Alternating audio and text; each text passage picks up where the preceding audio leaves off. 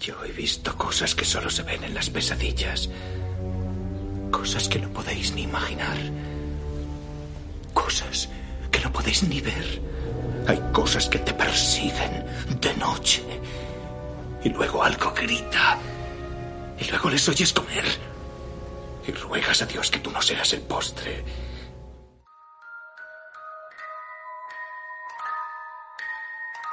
Benvingudes i benvinguts a Terrible Visió, el podcast d'inexperts de cine cutre i no tan cutre.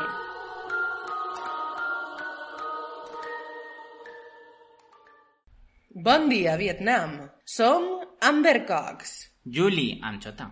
I Neuro. I això és el terrible especial d'estiu. El programa d'avui tindrà un format una miqueta diferent de l'habitual, perquè és un especial i hem de fer alguna cosa especial, no? I tindrem a mi ja és més un costum que una cosa especial. El ventilador compta com a convidat especial? Jo diria que sí. La tradició, la nova tradició per l'estiu. Tradició, no perquè anem a parar de fer programes. Bé, pel que fa a la temàtica, heu eh, de donar les gràcies o odiar-los als compis de Sinestèsia, ja que van comentar que en l'últim programa que aquest estiu no s'havia anunciat cap pel·li de monstres o d'animals marins. Així que ens varen donar la idea de recuperar una saga especial. Una saga de sis pel·lícules. Una saga familiar. Una saga amb taurons. Una saga de sèrie B. Sabeu ja quina és? O vos ho diem? Vinga, va, diem-ho. Sharknado! Sharknado!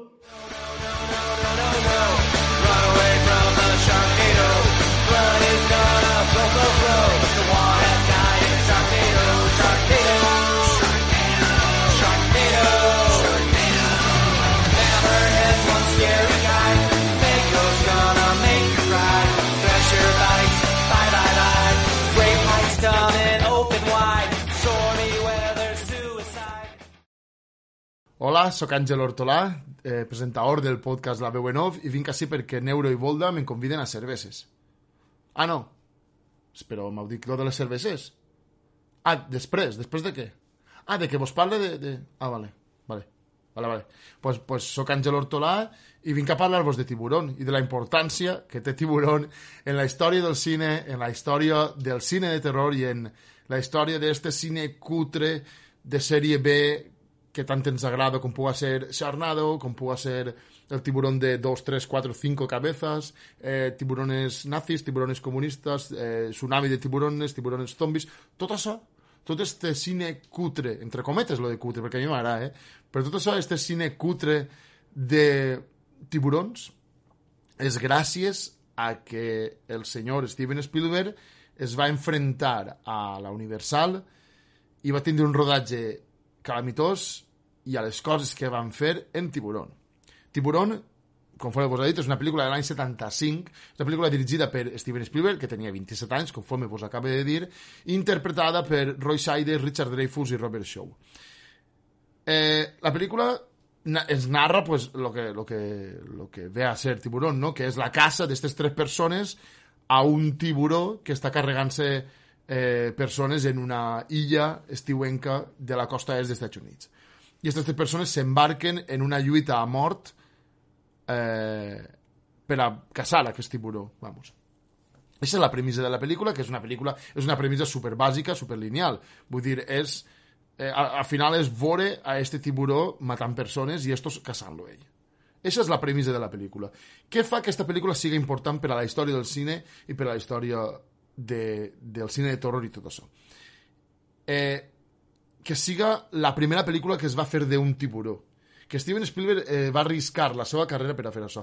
Steven Spielberg, esta pel·lícula, estava programada en 55 dies de rodatge, ell la va gravar en 160 i algo, és a dir, és una barbaritat, va triplicar lo que tenia, el temps que tenia per a gravar, va duplicar el que tenia per a gastar, és a dir, tenia un pressupost de 3,5 milions de dòlars i ell la va gravar en 7 o 7 i mig, Eh, una, una locura, una locura. I estava enfrontat a la Universal, a la productora. És a dir, Steven Spielberg no hi havia dia que no, que no sabia si acabaria el dia. No, no sabia si anaven a, a despedir-lo i a posar un altre director, perquè això en aquella època era prou normal que passara això. A més de tot això, i d'una barbaritat de anècdotes sobre el rodatge, tenia a dos, a dos actors enfrontats. Richard Dreyfuss i Robert Shaw no es podien veure, cosa que Steven Spielberg va eh, deixar que es portaren mal, no va posar pau entre els dos, per a que es notara la tensió en els dos personatges a, a, a la pel·lícula, perquè els personatges en la pel·lícula també xocaven, i en la vida real els actors també xocaven. Això va permetre Steven Spielberg. I tu diràs, bueno, Àngel, eh, però bueno, això són an- anècdotes de la pel·lícula, són coses que passen, sí, però per què és important aquesta pel·lícula és perquè la van estrenar l'any 1975 en estiu en 450 eh, cines. I tu diràs, eh, bueno, però avui en dia també s'estrenen moltes pel·lícules en molts cines. Sí, però en aquella època si estrenaves en estiu i en 450 cines és que la pel·lícula era una merda, parlant clar. Ells no. Ells es van gastar una barbaritat de diners en merchandising i van estrenar en 450 sales i la van petar, la van petar però una barbaritat, creant el fenomen de blockbusters d'estiu. Moltes pel·lícules s'estrenen en estiu avui en dia. Una barbaritat. Abans d'esta no s'estrenava ninguna pel·lícula. Per això mateix és una pel·lícula important en la història del cine. És una pel·lícula que fins que va eixir dos anys després Star Wars, l'episodi 4, La Nova Esperanza, la primera pel·lícula de Star Wars, era la pel·lícula que més diners havia recaudat en la història del cine. Tiburón. Tiburón va trencar tots els rècords, però una barbaritat. Va trencar tots els rècords d'aquell estiu de 1975 en Estats Units. I res, eh, només dir-vos això, dir-vos que és una pel·lícula que gràcies a, a que este home es va arriscar la seva carrera en Hollywood, que després tenim a un Steven, Spielberg en una carrera superllarga durant 3-4 dècades fent pel·lícules meravelloses, gràcies a que este home, quan tenia 27 anys, es va arriscar a fer el que va fer, a enfrontar-se a la Universal i a tindre ese rodatge que va tindre, gràcies a això, avui en dia tenim este exploitation tan meravellós de pel·lícules cutres, conforme, entre cometes, o de cutres, cutres de eh, pel·lícules cutres de tiburons que tant ens agraden així. Res més, jo, conforme vos he dit, soc Àngel Hortolà, em despedisc, me'n vaig a fer-me les cerveses que aquestes persones que estan així em deuen. Un beset i moltes gràcies per haver comptat amb mi per a este àudio. Moltes gràcies, Àngel. Ara te donem les cerveses. I, per cert, escolteu el podcast de La veu en off, que ells s'ho curren de veritat. No com nosaltres. Tenint en compte la quantitat d'informació que ens ha donat en este àudio, ja podeu imaginar com s'ho curren.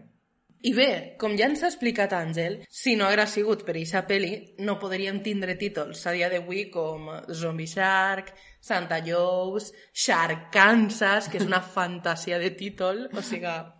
Genial. Eh, les pel·lis que ell ha anomenat i un llarg, etc. I no oblidem tampoc Shark of the Corn, Sharktopus, Sun Shark, Shark Lunch, el ataque del tiburón de dos cabezas, el de tres cabezas, el de cinco cabezas... I no oblidem tampoc Megalodon, eixa pel·li d'alt pressupost que és una puta merda en comparació a les de baix pressupost. I no oblidem tampoc centrar-nos en Sharknado. Comencem amb les pel·lis? Vinga, a veure, la saga.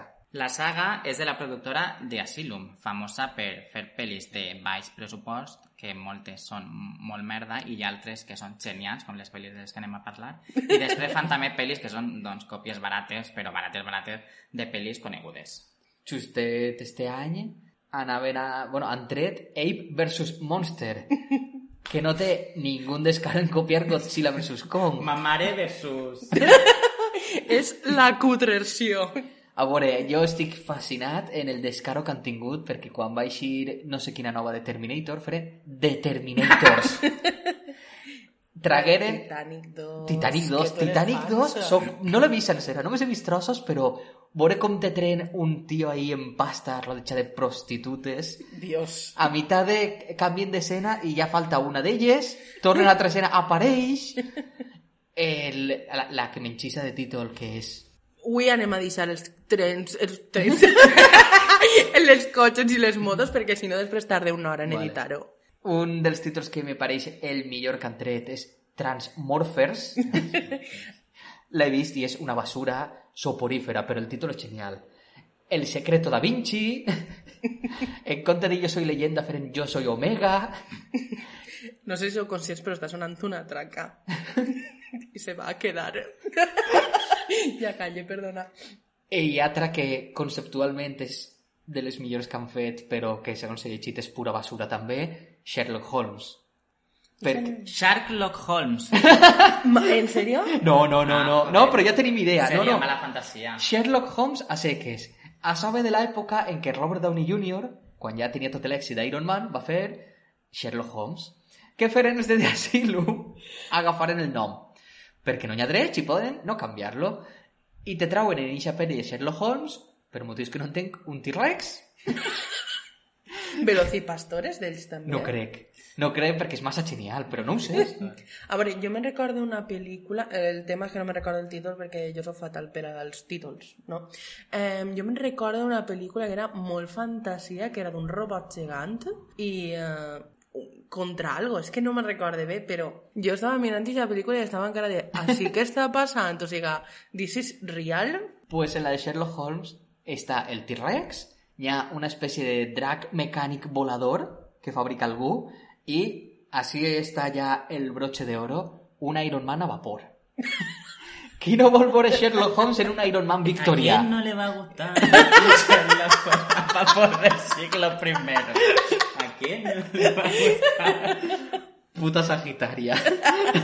que ens ha pegat a la tia Isha. I bueno, el director de les pel·lis de Sharknado, tornem a la saga, és el mateix, que és Anthony C. Ferrante. De moment només ha fet pel·lis de baix pressupost. I segurament continuarà així. La saga comença el 2013 i acaba el 2018. Van fer una pel·li per any, així na- i les pel·lis. A ningú li estranya. Boníssimes totes. La primera pel·lícula... Mm, si la de Blue Monkey tenia de pressupost un paquet de tabaco, esta té de pressupost el que val un xiclet clics en el quiosc de la plaça del teu poble. Més o menys. Pot ser el xicle qui- clics valga més. Però és que, contra tot pronòstic, eh, la pel·li va petar tant que va guanyar moltíssima fama en Twitter i Sci-Fi, o sigui, Sci-Fi, el canal que la va emetre, va flipar tant que la van emetre eh, diverses vegades, amb cada vegada més audiència. O sigui, és la pel·li original més vista de la història de la cadena de la televisió. Es van trobar que tantíssima gent volia eixir en les seues pel·lis que per a la segona van fer rotllo un crowdfunding de que tu pagaves i podies escollir que te matara un tauró o tu pegarle una punyeta a un tauró en la peli. En plan que, pues, momento cutre o momento heroico. I tu pagaves i eixies un segon i fa un punyetazo. que gran. Bàsicament ha sigut un fenomen, Sí, realment, sí, sí. Sharknado. S'ha convertit en pel·li de culte. O sigui, s'han aprofitat mogolló de les xarxes socials perquè quan acaba la tercera també tragueren un hashtag de com vols que continuï? Que cert personatge visga o que cert personatge muiga? I feren un hashtag de save o i el nom del personatge per veure què passava. Quina genialitat. Molt gran. Eh, pot ser, va ser precisament pel tema del crowdfunding que mm, n'hi ha un vot al·lucinant entre la primera i la segona pel·lícula. O sigui, ja he dit que el pressupost de la primera és un xiclet clics, no? Però la segona, ni ahí, se veu ahí la pasta posar. Mm, desapareixen les incoherències dels plans, és a Nova York que ahí tens que posar dineritos i això, les pel·lícules cada vegada pareixen que, pareix que han, han invertit més pasta. I els, els dos protagonistes a cada pel·li cobraven una millona més que en l'anterior. Sí. Vull dir, flipes el que cobraven per fer aquestes pel·lis. Que fort. Sobretot perquè no, no en fa molt més. Després d'això, Perquè no es fa falta. És, que, és com els actors de Friends que en l'última temporada per cada capítol cobraven un milió de dòlars per capítol, pues així rotllo així, eh? Vaya tela. I precisament per tot el que anàvem guanyant, pareix que varen fer prou caixa com la cinquena i la sisena pel·lícula, els propis Tara Reid i Ian Siring, els actors protagonistes, són els que fon, foren productors. Però jo crec que això ho fan perquè si no posen, posen la pasta no treballen. o sigui, Jo me pago mi pel·lícula. Bé, l'argument de la saga. Imagineu-vos, esteu tan tranquils, ahí fent la compra, i de sobte se crea un puto tornado que absorbís aigua del mar en taurons. Com diu el títol, vamos, Charnado, que per si no sabeu és... Eh, Tiburonado. com se diu? Tornado? O sigui, no m'hi sé la paraula tornado. Tornado en taurons. Charnado, en valencià, per a qui no ho sàpiga, significa camp d'arròs. Exacte. Bé, i és un prota que està divorciat, la dona no vol saber res d'ell, però ella sembla que te salvo. que hazme caso. Jo, de fet, li arriba a pegar galta en algun moment a la dona, perquè si ¿En no, serio? en el cap sí. No, No, sé no, si no. fa, però, no. No, però no, me que- l'imagino pegant-li galta és que no li fa cas. que deja, déjame que te salve, no sé Bé, què. aleshores primer vol salvar a la família i després diu, pues salvo el mundo, ¿por qué no? Salva la mujer, salva el mundo. Cada vegada és tot més realista, els problemes se multipliquen. La saga van a l'espai, eh, viatgen en el temps, van al passat, van al futur. L'única cosa que no visiten és el trellat. Després, o sigui, de referències a pel·lícules... Mm, Em salva. però impressionant, o sigui, òbviament a la de Jones, en la primera sobretot, a Star Wars, Indiana Jones, James Bond, que tu dius, senyora, però què te passa?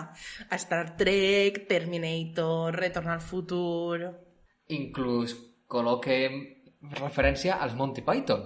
En resum, col·loquen referències a una barbaritat de pel·lícules. I bé, passem als personatges principals de totes les pel·lis, o sigui, parlem una miqueta d'ells? Sí, clar. Anima. Finn Shepard és el protagonista, el surfista que té un bar a la platja i s'ha dedicat tant, no sabem si el surf o al bar, que ha tingut a la seva família més abandonada i per això està divorciat. L'actor és Ian Searing, que apareixia abans en la sèrie de Beverly Hills.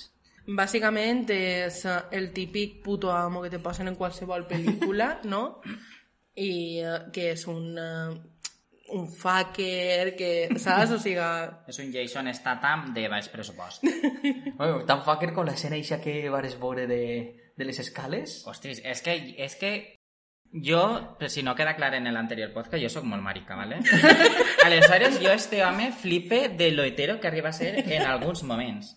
Hi ha un, una escena que n'hi ha tres escales... És que són tres escalons, que dius, puc baixar-los de uno.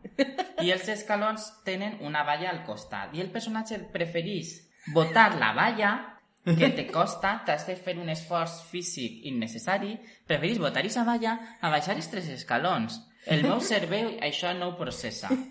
però ha de demostrar que és super hetero, no? Perquè les, en la saga no se demostra suficient. No, no, o sigui, en cap moment és ell el macho alfa perquè No, no, res és- que va. Ell està molt implicat en les dificultats que tenim els heteros. Som un col·lectiu que patim. El col·lectiu más suprimido. Després està April Wexler, que és l'exdona d'ell, que l'actriu és Tara Reid i va ser com més coneguda per American Pie i també apareix en Scraps. Um, esta xica en algun moment de la saga, o sigui, cada vegada és més robòtica, no? que parlarem d'això després com a Mecha April. Però el que més me fascina és que ella és un puto robot i, per tant, no pot morir. I, així i tot, mm, Finn és el puto amo, el que s'enfronta. Es torna als Sharknados, tot, o sigui, que tu Tot dius... ell. Reina, o sigui, ella és un puto robot i no pot morir perquè té que enfrontar-se ell. I El, això. el que sí que és cert que en cada entrega, encara que és robòtica a partir d'una entrega, des de la primera a la última, en cada entrega és més de plasticori. Sí, això sí.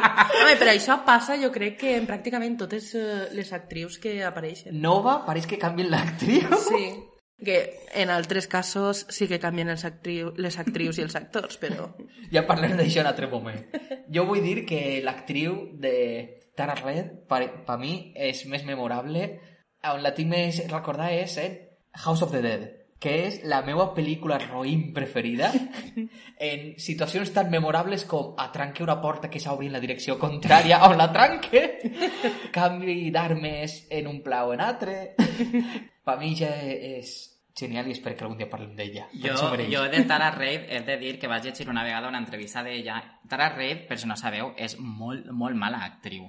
No, sí? És molt mala actriu. De veres? I el que li estava entrevistant li digué, tipo, però és que fas pel·lícules molt males. I la xica, la xica que ahir, eh, ole per ella, va dir mira, jo seré tot la mala actriu que vulguis, però estic treballant del que vull del que m'agrada i me paguen per això. Pues Ole. això de veres. Això I jo vas dir, eh, reina, te faig un piso. Bé, i el tercer personatge més principal de la saga, que a mi personalment és el que més m'agrada, és Nova, que és cambrera al bar de Finn, que primer està enamorada de Finn, després s'enamora del fill de Finn, després igual fa un poc de, tis- de tisoreta per ahí con la hermandad de los tiburones. Sí, molt probable. L'actriu es diu Cassandra Servo i ha estat en bastant telefilms. De fet, jo la conec per una de tantes pel·lícules que n'hi han de a por todas, de animadores, i és ella. La vaig por ahí quan buscava. Jo tinc la teoria de que algú l'haurà vist eh, algun dia en la sobretaula d'Antena 3. Pot Sense saber-ho. Segur. La filla maligna o la vecina que mira mal o la secuestrada o una cosa d'estes. Desaparición mortal. I bé, també hi ha alguns personatges recurrents, com són els fills d'April i Finn, que mm, me pareixen una puta fantasia, ho he de dir. O sigui, a veure, em, estan Clàudia, Matt i Jill, no? Mm, Clàudia primer és Aubrey Peoples, ok? Vale.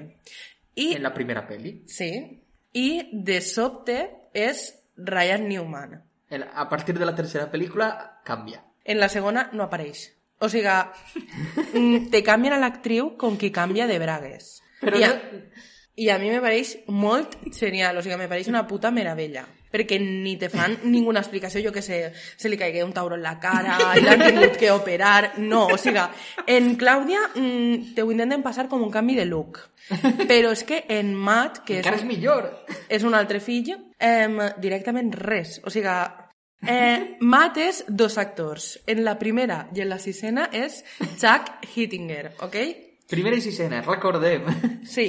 En la 4 i la 5, perquè la 2 i la 3 no és, és Jake Ryan. I no fan cap tipus d'explicació. Bueno, mm, se n'anava a la, ca- a la presó... En la tercera te diuen que estava en la presó. No sé per què, però està en la presó.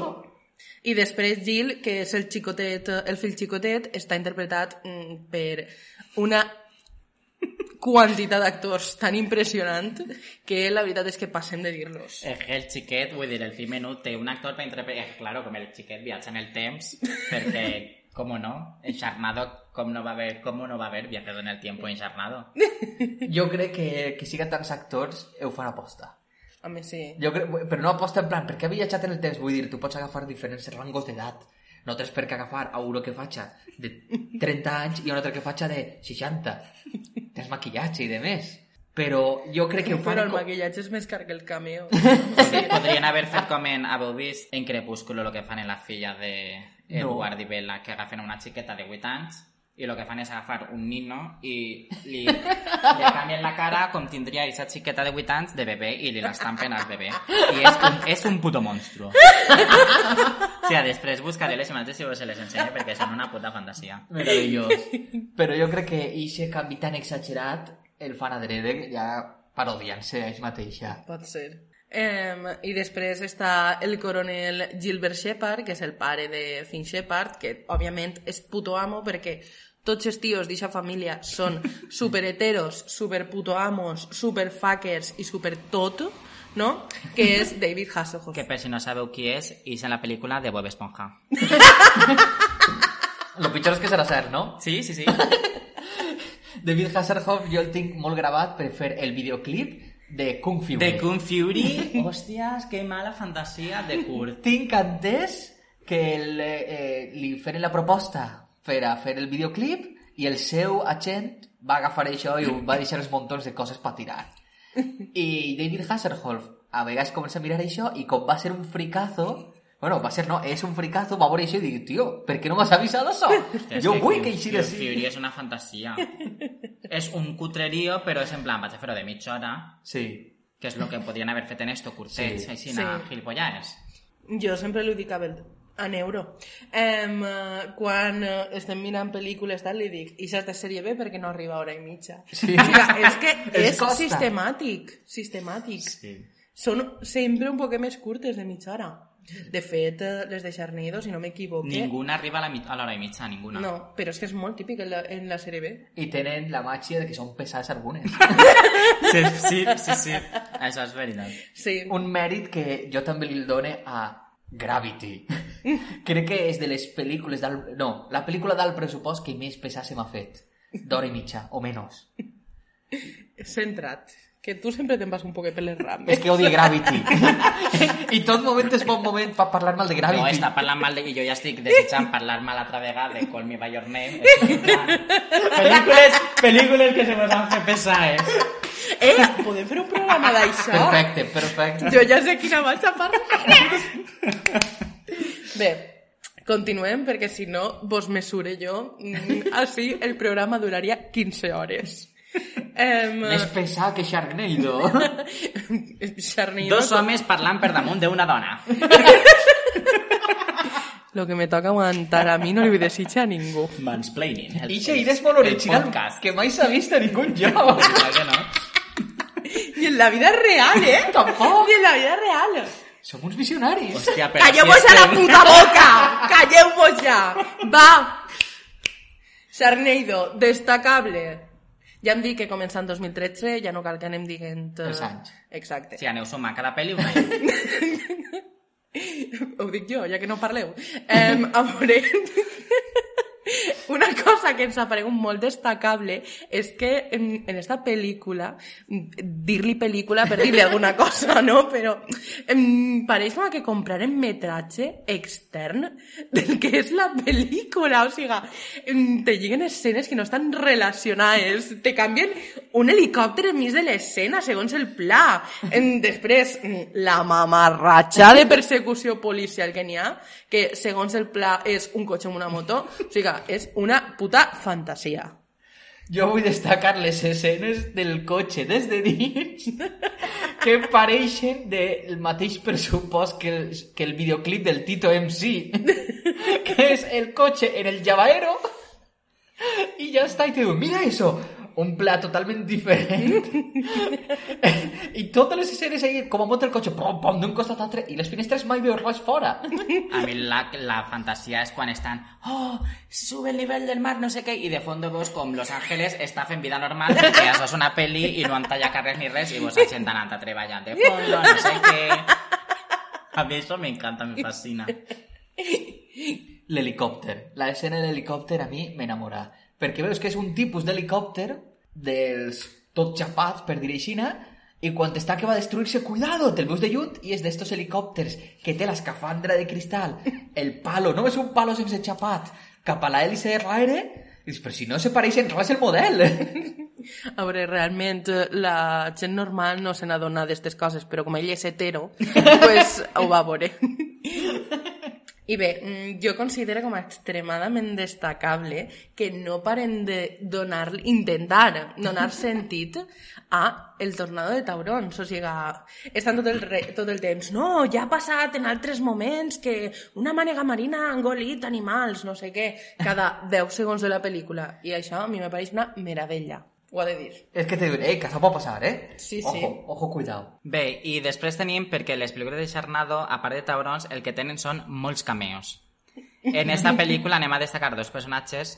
Eh, un és Bas Hugan, que és eh, l'amic babós de Finn, que està interpretat per Jason Simmons, que és Ixia en Vigilantes de la Playa. I després tenim a George, que és un altre abuelo babós, alcohòlic, que es passa el dia en el bar i el seu arma contra els taurons és un taburet. Sí, això me pareix una fantasia, ho he de dir, o sigui... I està interpretat per John Hurt, que és el coneixereu per ser el pare de Kevin McAllister en Solo en Casa.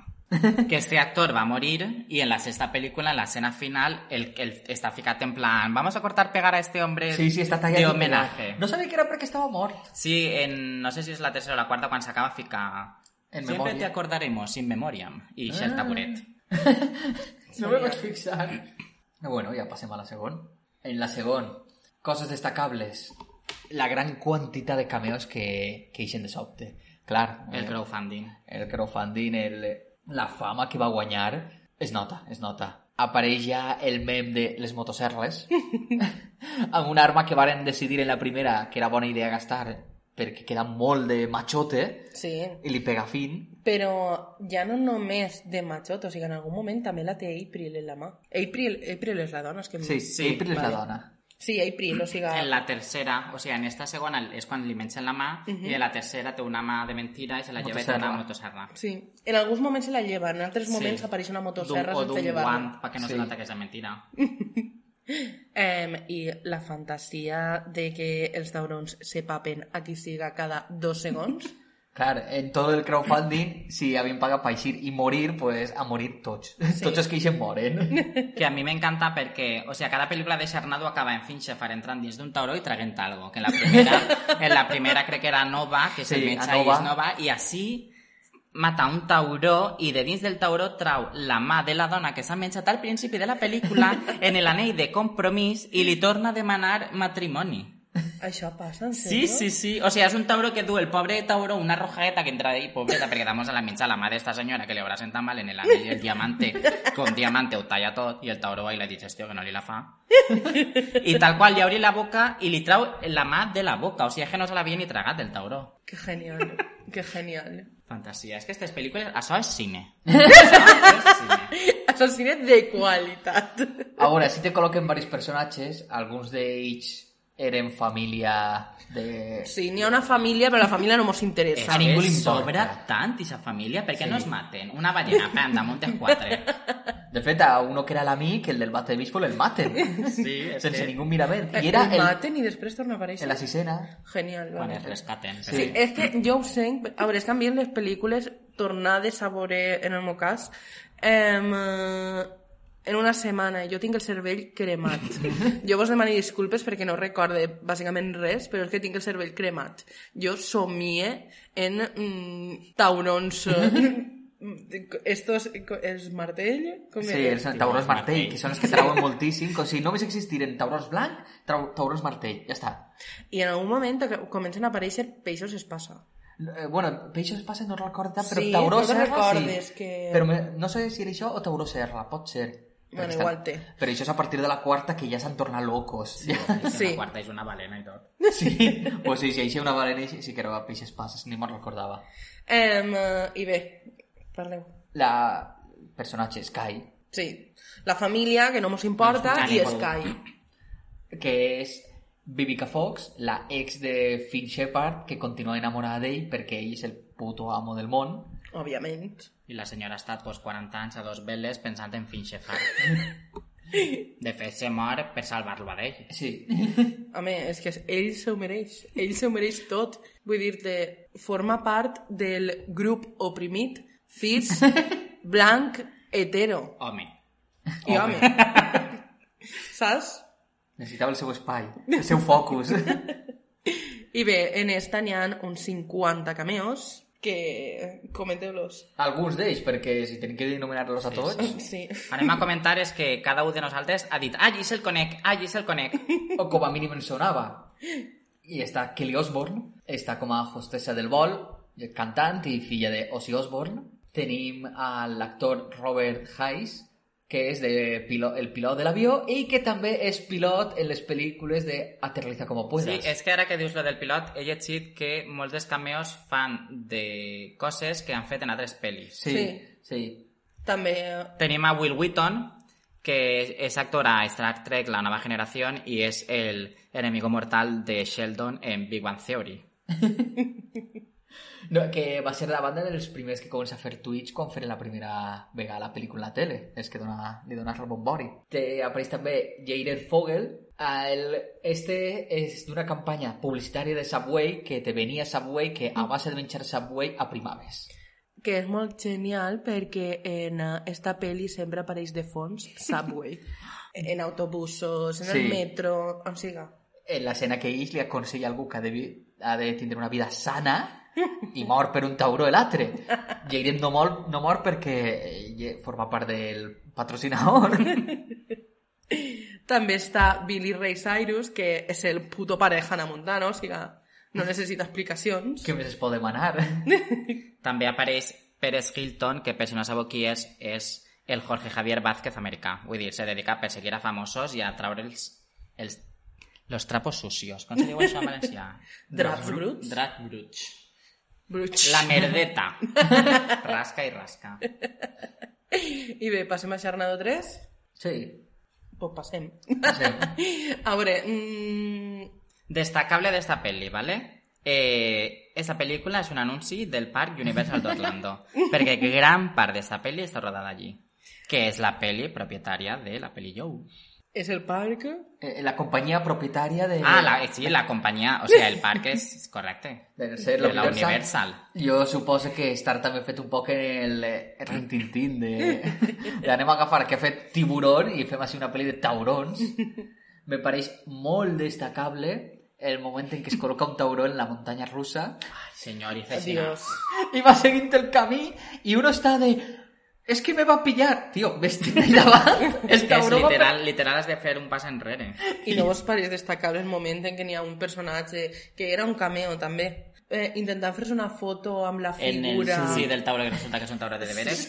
O quan arriben eh, Finn i Nova que no recordo si anaven en avió que era que s'estampen i, i sent d'un llac sense roba perquè sí. a l'estampar-se es veu que és el sacre mala roba i és ella en sujetador i bragues i ella en calçotes palluer típico que li mires i se nota que té un cul postís perquè li enfoquen lo juste perquè no se nota que no té cul.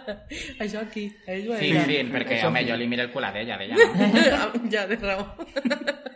Bé, en aquesta, en aquesta pel·lícula, per seguir, eh, ja comencen a desvariar perquè viatgen a l'espai, tant les persones com els taurons. I poden Sí. respirar, no passa res. Sí, o sigui, si no era ja surrealista que pogueren sobreviure en un puto tornado, se'n van a l'espai i poden continuar sobrevivint els putos taurons. O sigui, Taurons impressionant. Impressionant.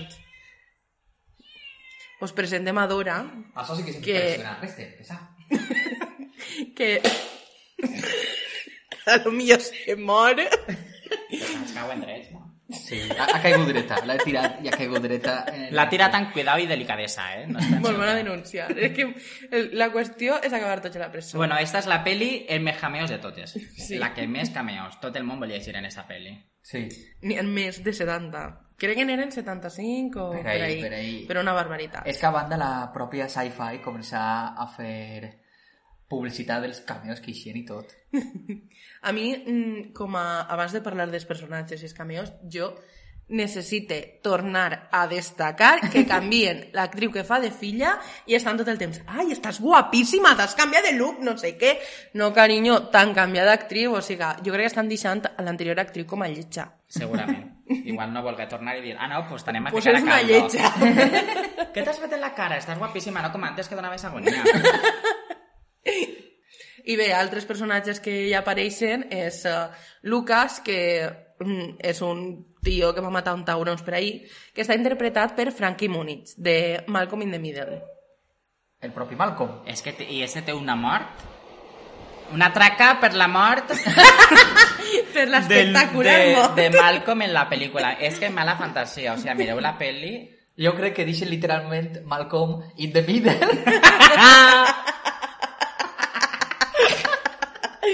Sí, perquè li lleves els braços i les Els cames. braços i les cames tot. I així Neto aconsegueix tindre un moment heroic. Sí. Sí. Acabota, eh? I altre personatge és May Wexler, que és la mare d'April, que és una senyora que no pinta res en la pel·li i se dedica a parlar mal del seu gendre. I l'actriu és Bo Derek. Bo Derek, Que no sé si correcte. sabreu qui és, però... És una senyora.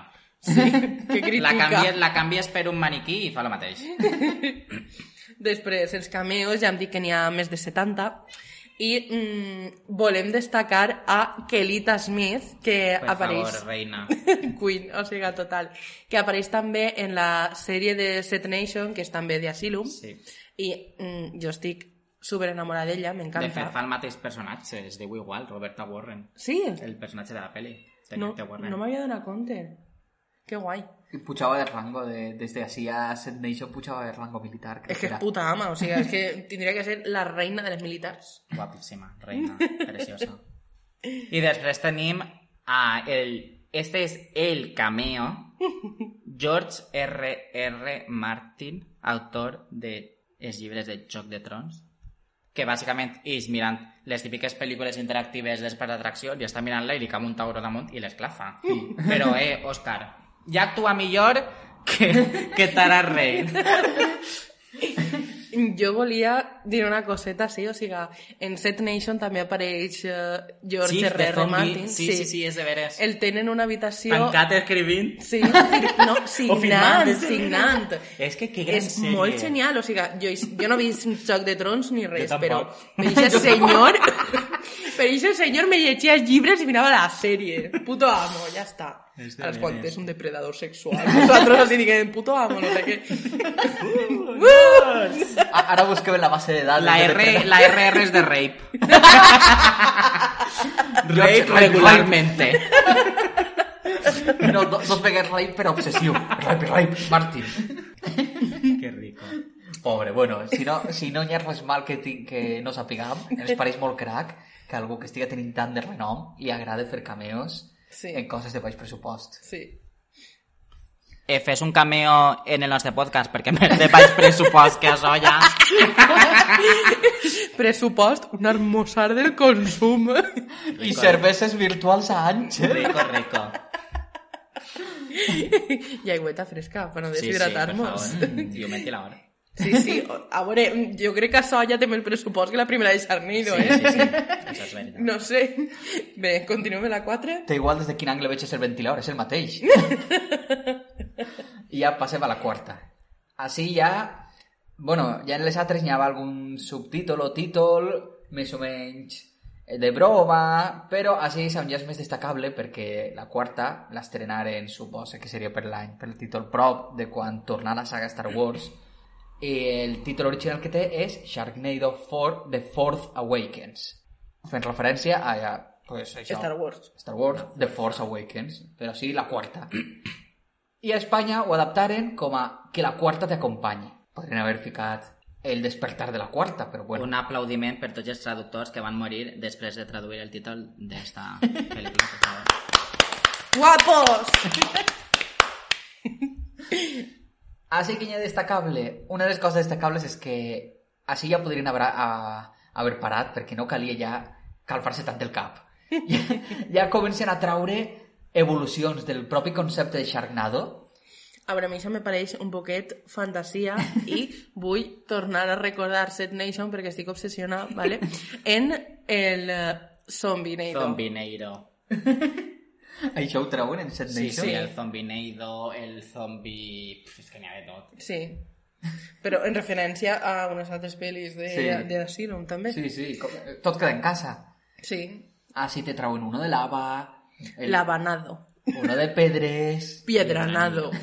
y, como no, uno nuclear. Nucneiro. Canvia aproximadament cada 15 segons el Sharknado. O sigui, bàsicament va un Sharknado per tot els Estats Units i tot el que va absorbint tot pues, és Sharknado d'això que ha absorbit. El que no sé és per què no hi ha un bu Burgernado. O McDonald's. O, o Besoneiro, perquè allí la gent té de sobrepeso que flipes. o Weaponnado. tu realmente, però un Sharknado en taurons, ametralladores, Això no, és, motoserres... això no és un dibuix de Martin en Los Simpson? Un tiburón que dispara pistolas que disparan no sé cuántos? No n'hi ha una escena de Los Simpson que No és, sé. que és Nelson, perdó, Eddie Martin Nelson que fa un dibuix d'això? No ho sé. Jo tinc un record, no sé si com algo que existeix o algo que va dibuixar un amic, no ho sé si és idea original de l'amic o tret a algun lloc, que Això era comença a assustar-me. un bazooka disparant motoserres. Bazooka de motoserres. Això són idees registrades a partir d'ara. Eh? CC Commons. Creative Commons, Asylum, si vas a fer pel·li, o ens pagues o te denunciem. A veure, jo volia fer una broma, però no m'han deixat perquè los hombres me explican cosas y me, no me dejan hablar, ¿vale? Jo volia fer una broma i volia dir que en els Estats Units també podien haver agarrat sureños racistes i tindre un tornado de sureños racistes. Ja està. Així la meva broma, que ja no té gràcia, perquè no m'han deixat fer-la quan tocava. Sí que té gràcia, pot ser el, el endogamineiro. En Donacineido. I eh, això, ja ho hem dit abans, que Sí. eh, el fill de l'actor el canvien, però és que a ningú li importa aquest xic, i ja està. Hi ha algo que importa menos que ese xic, que és la seva dona... O la, la família, que resulta que era... Saps? Ho dic perquè la dona d'ell apareix, mor, i a Sí. ningú li I importa. a ningú li importa, correcte. Sí. És seu que- home. És que, per què? I tampoc importa pel que pareix qui merdes veure, és igual, Gemini. igual és, disculpeu, una crítica al patriarcat de s'ha mort una dona i a ningú li importa. I estan criticant-ho en la pel·lícula i Pot estem ser. burlant-nos. Sí, Pot ser. pot ser. I està allí... És que en The Asylum... Igual és més profunda la pel·lícula del que pensàvem, eh? Segur, segur. Jo estic segura d'aquest esdeveniment. Que. Sí, sí. I torne a llançar la pregunta. Qui merdes és Gemini? O sigui, en tota la puta pel·lícula no te diuen qui merdes és, te diuen en la següent pel·lícula. A mi això m'enfada. És en la següent pel·lícula pel·lícula, anava a dir. Pel·lícula. Eh, la, la següent pel·lícula t'expliquen que és la cocina, però... Sí, Gemini és un personatge que està ahí, de sobte està. Està, Sí. apareix. Des del principi, al costat del protagonista, i tu dius, senyora. Se- Sempre al costat d'ell. Sí, vull dir-te... Perquè en esta, per cert, n'hi ha un, un vot temporal de 5 anys Sí. i a April al final de la 3 li passa algo i no saps si s'ha mort, no s'ha mort, què ha sigut ella. I dius, i esta Gemini serà la nova amant? Nòvia, sí. Sí? Eh, eh, El, eh, La està- niñera. La niñera, perquè estava el xiquet. El xiquet, que per cert, a tu, Juli, t'agrada molt. Que naix dins d'un tauró. I ese xiquet, al final de la tercera, a April se'l traga un tauró i parís dins del tauró. És molt genial. I el dibuix que fa en esta I pel·lícula... el xiquet dibuixa a sa mare com un tauró. I fica mom. I quan en algun moment apareix la mare... Me cae April. madre. Mi Mi madre és un tiburón. Està pelut de tot. Drama, Sí. acció, més drama... No sabe el misteri de qui és Gemini. Que, per cert, l'actriu és Maciela Luxa. Val? Altres personatges són Mecha April perquè que en una pel·lícula de taurons han d'aparèixer robots. Pues April, al final de tercera, li cau un cartell damunt i la destrossa i son pare la converteix en robot. I va per ahí tinguent armes per volar i per fer tot. És una puta ama. Sí. Però així i tot encara necessita que l'home la salve constantment. A partir d'ací és quan l'actriu d'April es dedica a pegar voltes i a xillar. Sí. Però en, es... És que me fascina lo que que Però en chica. esta pel·lícula... En esta pel·lícula no, no. O sigui, en esta pel·lícula disparava rachos en els ulls i tot. Però ja xilla ja de tot. Sí. N'hi ha un moment que estan en un helicòptero i se van volar i ja l'agafa. Bé, el pare, qui fa aquesta meravellosa creació de Mecha April és Wilford Wessler, que és el pare. I està interpretat per Gary Bassi. Jo recordo de Depredador 2, que era el tio de la CIA o de no sé quina força go- governamental mig secreta, jo que sé. Però recordo d'ahir. Una de totes. Sí. I eh, la que ha comentat Julian Jota, que és la dona de Matt, que dura viva aproximadament com 15 segons i a ningú li importa que estigui morta, és Gabriel, no? que està interpretada per Imani Hakim. Passem als cameos? Sí, que sí tenen més de 50, han baixat, però a veure, allò era insostenible. Sí. Podem destacar a Hailey Hasselhoff i Taylor Ann Hasselhoff. que no saben qui són. és broma, són les filles de David Hasselhoff. Ja, ja, que està, cognom. M'has mirat en una cara que me la ves a matar. ja que està, que menys que col·locar-les. I també col·loca, que se'ns olvida buscar els noms, les dos companyes Les dos companyes de... Vigilantes de la Vigilantes playa. de la sí, playa. sí, és de veres. que es dedicaven també a córrer o alguna cosa així, i fan referència a la Sí. sèrie. Sí. Però en 60 anys, o així, I era en senyores. esta també on eixien els de... La matanza de Texas. Era en esta o era en la Sí, següent? és en esta, és en esta. És de veres que així l'actriu que així en la segona de la matança de Texas. Sí, Sí, és de la veres. família era, no? La... Sí, és de veres. Eh, que eixen en un lloc eh, així sureny, deixem-ho ahí, No no? són els que tenen la tenda d'armes? Sí, Tenda de motosserra. de Serres. motoserres. Ixos. Ja deia jo que dic això, I la en xica... el senyor ahí en la que era de Rodeje no se menecha i vale, claro, és bona referència. Sí.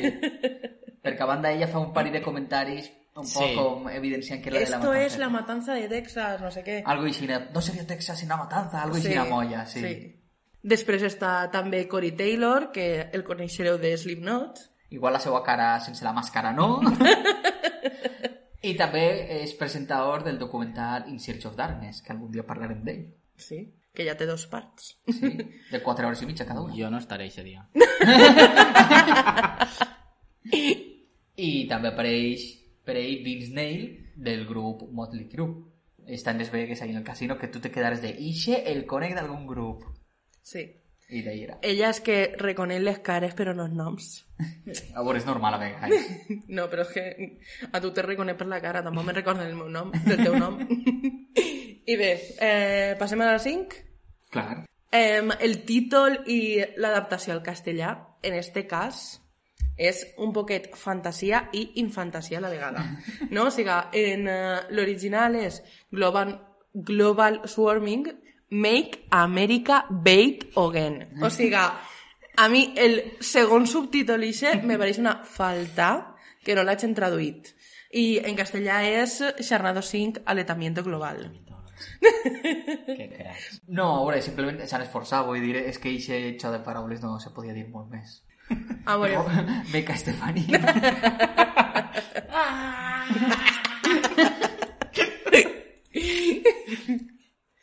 Estefani. ah, sí, coses destacables.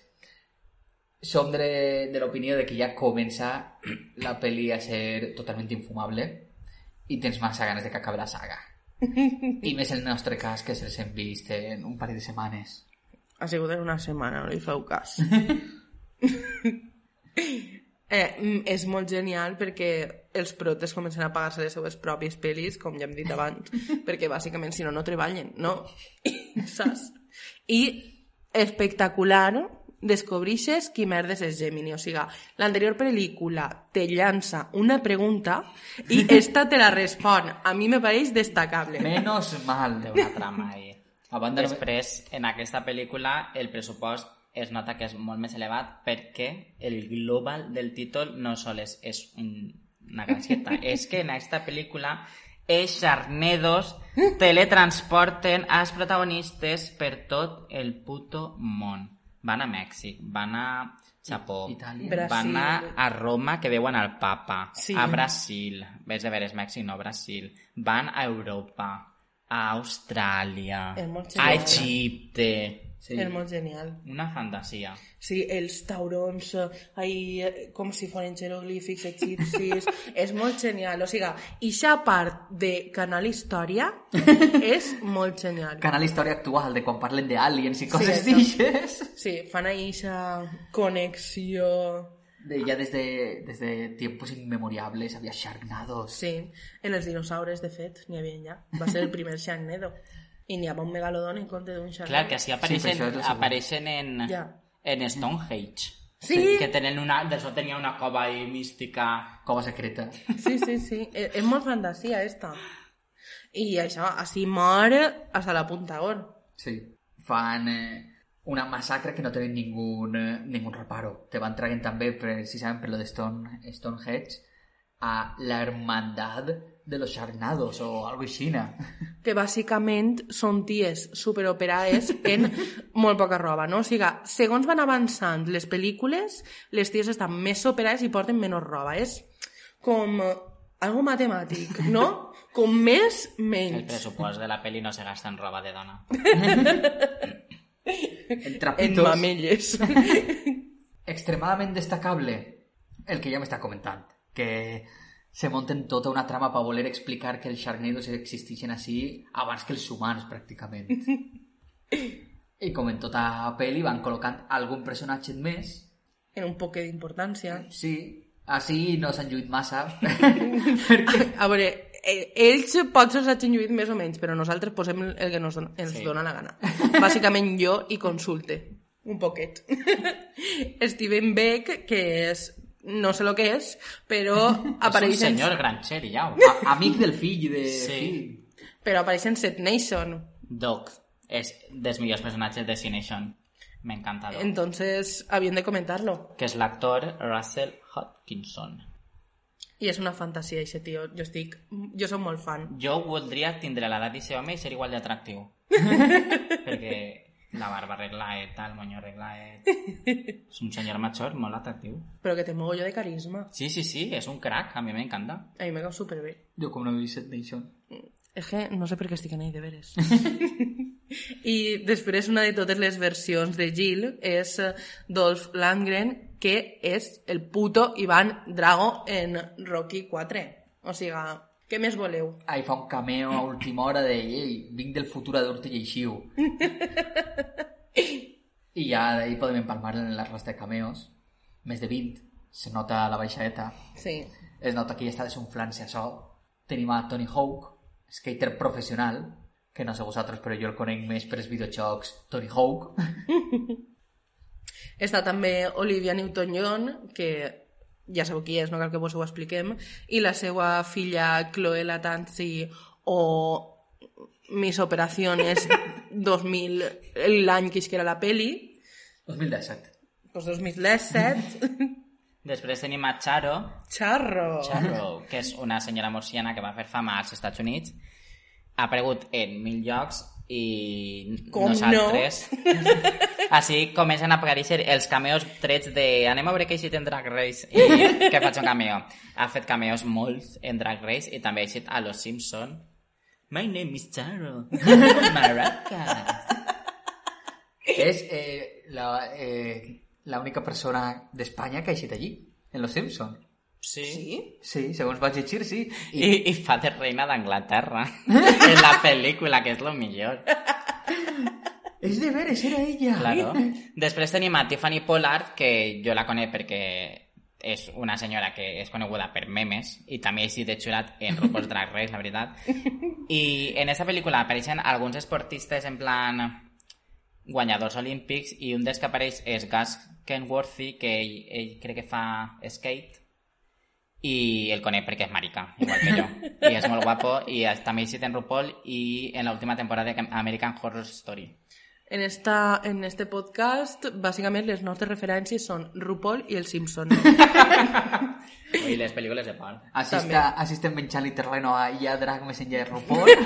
Una abraça, ja, ja drag més enllà de RuPaul. Així no, així no n'hi ha... Així no n'hi ha més drag més enllà de RuPaul.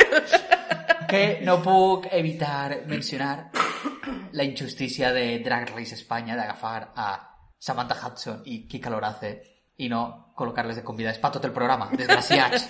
O que participaren de sobte. Uh, dos nuevas queens en el, en el room. I d'ahí ja passem a la sisena. Que Perquè sí, si no, mos enrotllem més que les persianes. i per pa, pa parlar de Drag Race podem parlar hores. Sí. Així, la sisena tenim ja la última, com promet el títol. El, Gràcies, senyor. el títol original és The Last Sharknado It's About Time, que han traduït com El último Sharknado ya era hora. Està, Ja era hora. la traducció està bé, però el problema està que eh, no hi ha forma de traduir el doble xiste que té. It's About Time, efectivament, és una expressió que es gasta com a ja era hora, però també és... T'està dient literalment Va sobre el temps. va sobre el temps. I és que literalment va sobre el temps. Exacte.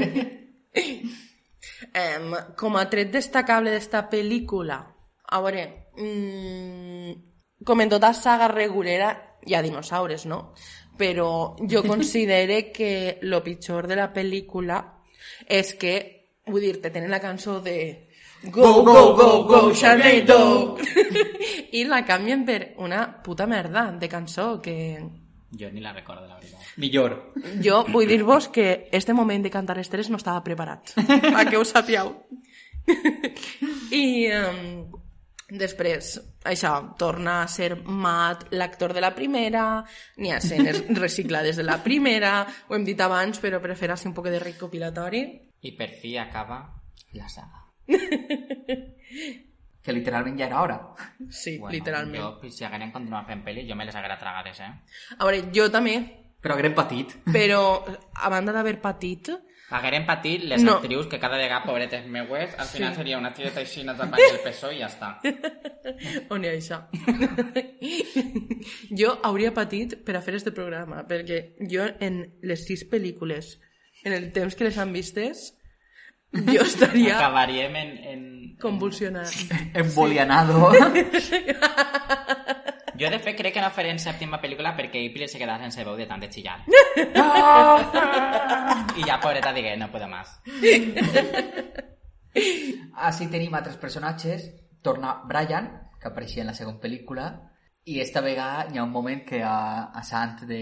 Els canvis temporals. Sí, acaba canviant i en compte de ser un actor és una actriu. Està interpretat o per Judah Friedlander o per Debra Wilson en algun moment. I altre personatge destacable, que no és destacable el personatge, sinó qui el fa és Exacte. Morgana, la bruixa del rei Arturo. És la el- fada Morgana, no me la criminaliceu. Fada Morgana. que està representada, o sigui, és, és Alaska Thunderfuck, que és, és finalista de la quinta temporada de RuPaul's Drag Race i també és la guanyadora de l'All Stars 2. I si posem spoilejat RuPaul's Drag Race o l'All-Star 2, ho sentim, però sabíeu a què veníeu. O sigui, el programa es diu No hi ha drag més enllà de RuPaul. en esta n'hi ha super pocs cameos en comparació amb les altres pel·lis. Sí. N'hi ha menys de 10, no sé si n'eren 7 o 8, però igual té. Pues, Sí, que estan sí, quasi tenim nosaltres apuntats. pues que coneixem. Una és la Toya Jackson, que és la germana de Michael Jackson i ella és cantant i també, així crec que tots han aparegut ja. És que En esta és RuPaul. la pel·lícula de reciclar de de RuPaul. RuPaul. Tenim a Jonathan Bennett, que és actor. Runeido. Jonathan Bennett, que és, és un actor que apareix en la meravellosa pel·lícula de Chicas Malas i també així de convidat a on? RuPaul's Drag Race. Star Your eh, algun moment perquè crec que és obligatori acabarem parlant de xiques males Òbviament. Vull dir-te, de la 2 podem evitar-ho, però la no primera... n'hi ha dos, no n'hi ha dos No, té raó. no n'hi ha No, no existe. existeix xiques males i no existeix ni dos ni tres qui ho diga t'està mentint IMDB mentix a vegades Puto IMDb. també apareix Dee Snyder el cantant del grup Twisted Sisters Tenim també a Neil deGrasse Tyson, que és astrofísic, però a part ha fet molt de cameos en sèries i, pues, tipo Big Bang Theory fent de, uh, friki. I el RuPaul? En RuPaul crec que este senyor no apareix. creen que no Llàstima. ahí no tenen divulgació científica de moment També apareix Leslie Jordan, que apareix a Willy Grace, és l'enemic a muerte de Karen, o sigui, si sou fans de Willy Grace sabeu qui és Leslie Jordan segur, que també ha aparegut en Drag Race, o vull dir, tots han aparegut en Drag Race. I uh, Tori Spelling, que la podeu conèixer de Scream, Scary Movie 2 o RuPaul's Drag Race. Finish your cameos I bé, ja hem acabat esta part i ara se n'anem a la part que no té nom perquè com és un programa especial no em posa nom i això, passem de secció.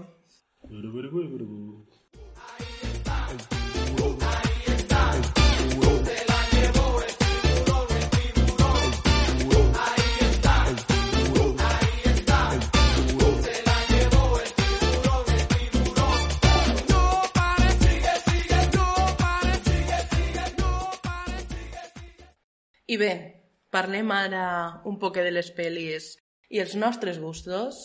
Quina és la pel·lícula que més vos agrada a vosaltres? A mi, la que més m'agrada, jo crec que és la 3. Per tota la flipaixa d'anar a l'espai, encendre un làser, matar tornados... Jo crec que és la que més he disfrutat de totes. Jo igual, la tercera en la motosserra láser, David Hasselhoff, perquè David Hasselhoff a mi me fa molta gràcia des del videoclip de Kung Fury. I en conjunt crec que és la que més podem dir que agafa el concepte Sharknado i que l'evoluciona un punt que és de hasta així hagués estat bé. He de dir també que me fa molta gràcia la quarta. La quarta la col·locaré en segona posició. Però la que més, la tercera. Jo mm, crec que posaria en primer lloc la primera, perquè és la idea original i és, o sigui, és d'on partís tot i és una pel·lícula tan roïn i tan mal feta que te rius de com de mal feta està. Sí, això I és cert. després diria la quarta perquè sí, és ruïn que te cagues i ja comença a pesar-te, no? Però la quarta, quan comencen lavanado, mm, piedranado, no sé què, a mi això jo li trobo el puntet.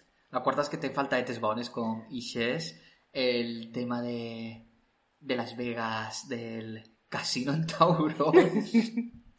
Té algunes faltates que me pareix que estan molt xules. I la que més vos agrada? La que menys? Eh, Sí. La que més m'agrada, a risc de que talleu tot el que he dit en este programa, jo la que menys m'agrada és la quarta. Juli no ha estat avui com a convidat. Explica't, per què? Perquè no li veig sentit a la pel·lícula. Vull dir-te, vale que la quinta viatgen, se teletransporten i la sexta viatgen en el temps. Lo entiendo. Pero esta película, els taurons els agafa d'un aquari de Las Vegas i els aguanta tota la puta pel·lícula. A veure, jo és que partís de la premissa que cap pel·lícula té sentit, entonces...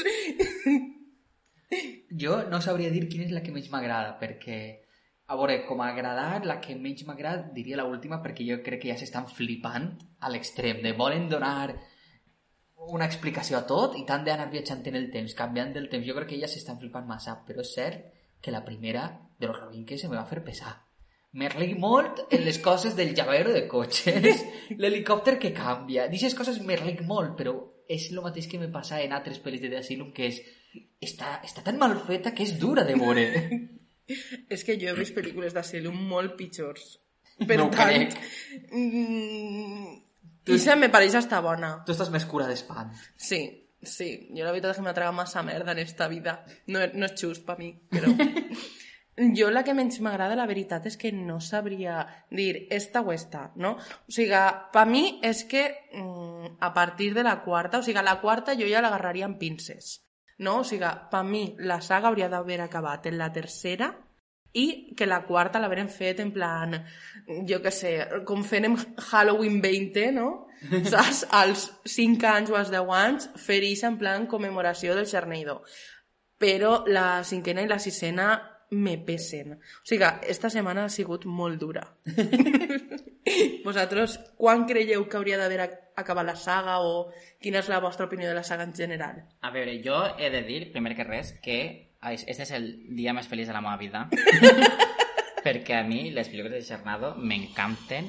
Jo he vist cada pel·lícula com tres o quatre vegades. I, de fet, quan treien una nova, abans de mirar-la, mirava les altres. Vull dir, a mi aquestes pel·lícules m'encanten. Quan pensa que haurien d'haver-se'n acabat? Eh, mai.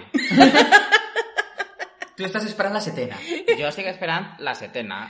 Sí, a que April ja siga eh, una pilota de playa de plàstic i ja està.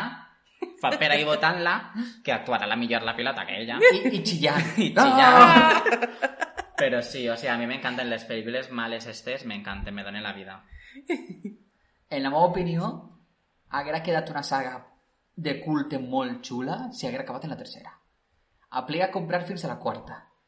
Ja dic, a banda la quarta ja té coses que me, me fan molta gràcia. A veure, lo de Gemini és genial, Sí, eh, sí, És realment frustrant, sí. és frustrant. Molt frustrant. però és genial de qui, hòsties, és esta tipa. I per mi hauria haver acabat en la quarta, sí o sí. Que igualment té la, la seva gràcia la cinquena i la sisena, però ja s'han passat rosca. A veure, potser si les veus una pel·lícula a l'any no són tan pesades. Quan has de tornar-les a veure per pegar no sé quina i les has de veure sí o sí i has d'estar atenta, ahí pot ser perden un poc més, no? Perquè, no sé. Jo obligui a José, a la meva parella, a veure-les i no m'ha deixat. Això és amor. I bé, mm, abans de res, abans d'acabar l'especial d'avui, volia remarcar que Neuro ha copiat la meva opinió. No l'he copiat. que siguin opinions paregudes és una cosa. És broma. No ho és. I bé, fi... Cucaracha. Referències. Mantis. No, no és una mantis. Feu-me cas a mi. I bé, fins així el terrible especial d'estiu, que ha sigut molt terrible. Discrepe. Crepe.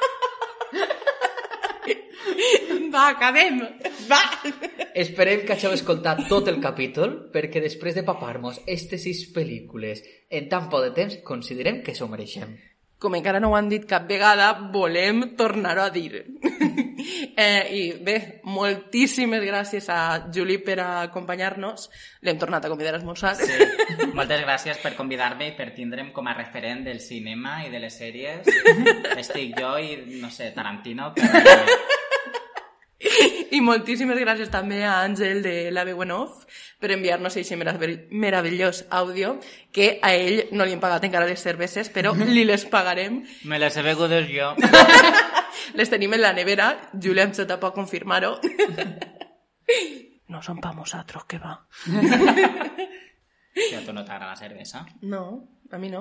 Ni, ni que el seu nom anterior fora Volta. Qui és ixa? Vam preguntar per Instagram si sabíeu a quina saga dedicàvem este podcast i diverses persones ens van dir que sí. No sabem si mentien o no. No recordem bé qui ens ho va dir perquè tenim les connexions neuronals un poquet desbaratades i ningú ho va apuntar. Però estem segurs de... Aprèn valencià en línia, Jess Orquadi, que és Jordi Arques, un fotògraf meravellós, Vicent, Vicente Cine, que puja moltes coses de pel·lis i tal, la Marta, la M de Marta, que puja il·lustracions, i Josep Aguado. Si ens oblidem d'algú, disculpeu-nos perquè vos volem moltíssim igualment. Moltíssimes gràcies per fer-nos cas en les xarxes i no deixar-nos parlant a soles, que la veritat és que és un poc desagradable. Recordeu que ens queda un programa més i tanquem la paradeta fins que acabi l'estiu. Que ens agraden les pel·lis, però també anar a la platja. Posarem pistes per les xarxes sobre la temàtica del següent programa. Ens escoltem pronte. Adeu! Adeu! Adeu, adeu. Bye, bye, bye, bye, Sharknado!